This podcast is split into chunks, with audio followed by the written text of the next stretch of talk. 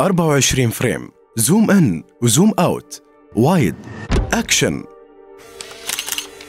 كل هذه العبارات دائما ما تردد في حضرة الكاميرا سواء الكاميرات المدمجة في هواتفنا الشخصية أو في الكاميرات الأكثر احترافية والمخصصة لصناعة الأفلام السينمائية والأعمال التلفزيونية.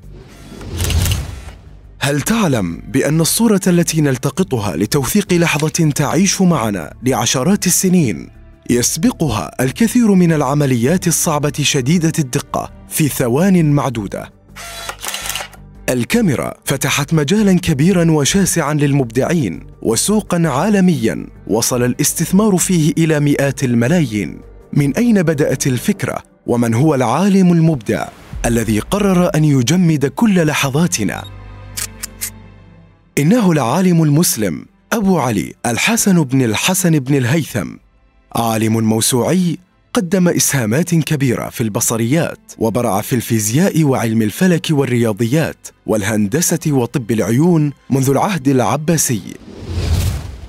له العديد من المؤلفات أهمها كتاب المناظر. اتخذ من القمرة وهي ترجمة للغرفة المظلمة بداية فكرة الكاميرا. هو أول من شرح العين كاملة ووضح وظائفها. وأول من درس التأثيرات والعوامل النفسية للإبصار وهو المؤسس الأول لعلم المناظر واكب عصرين العباسي والفاطمي. أطلق اليونسكو اسمه على السنة الدولية للضوء في عام 2015 لقب بأبو البصريات. غفت عيون ابن الهيثم وبقيت عيون الكاميرا راصدة لإنجازاته.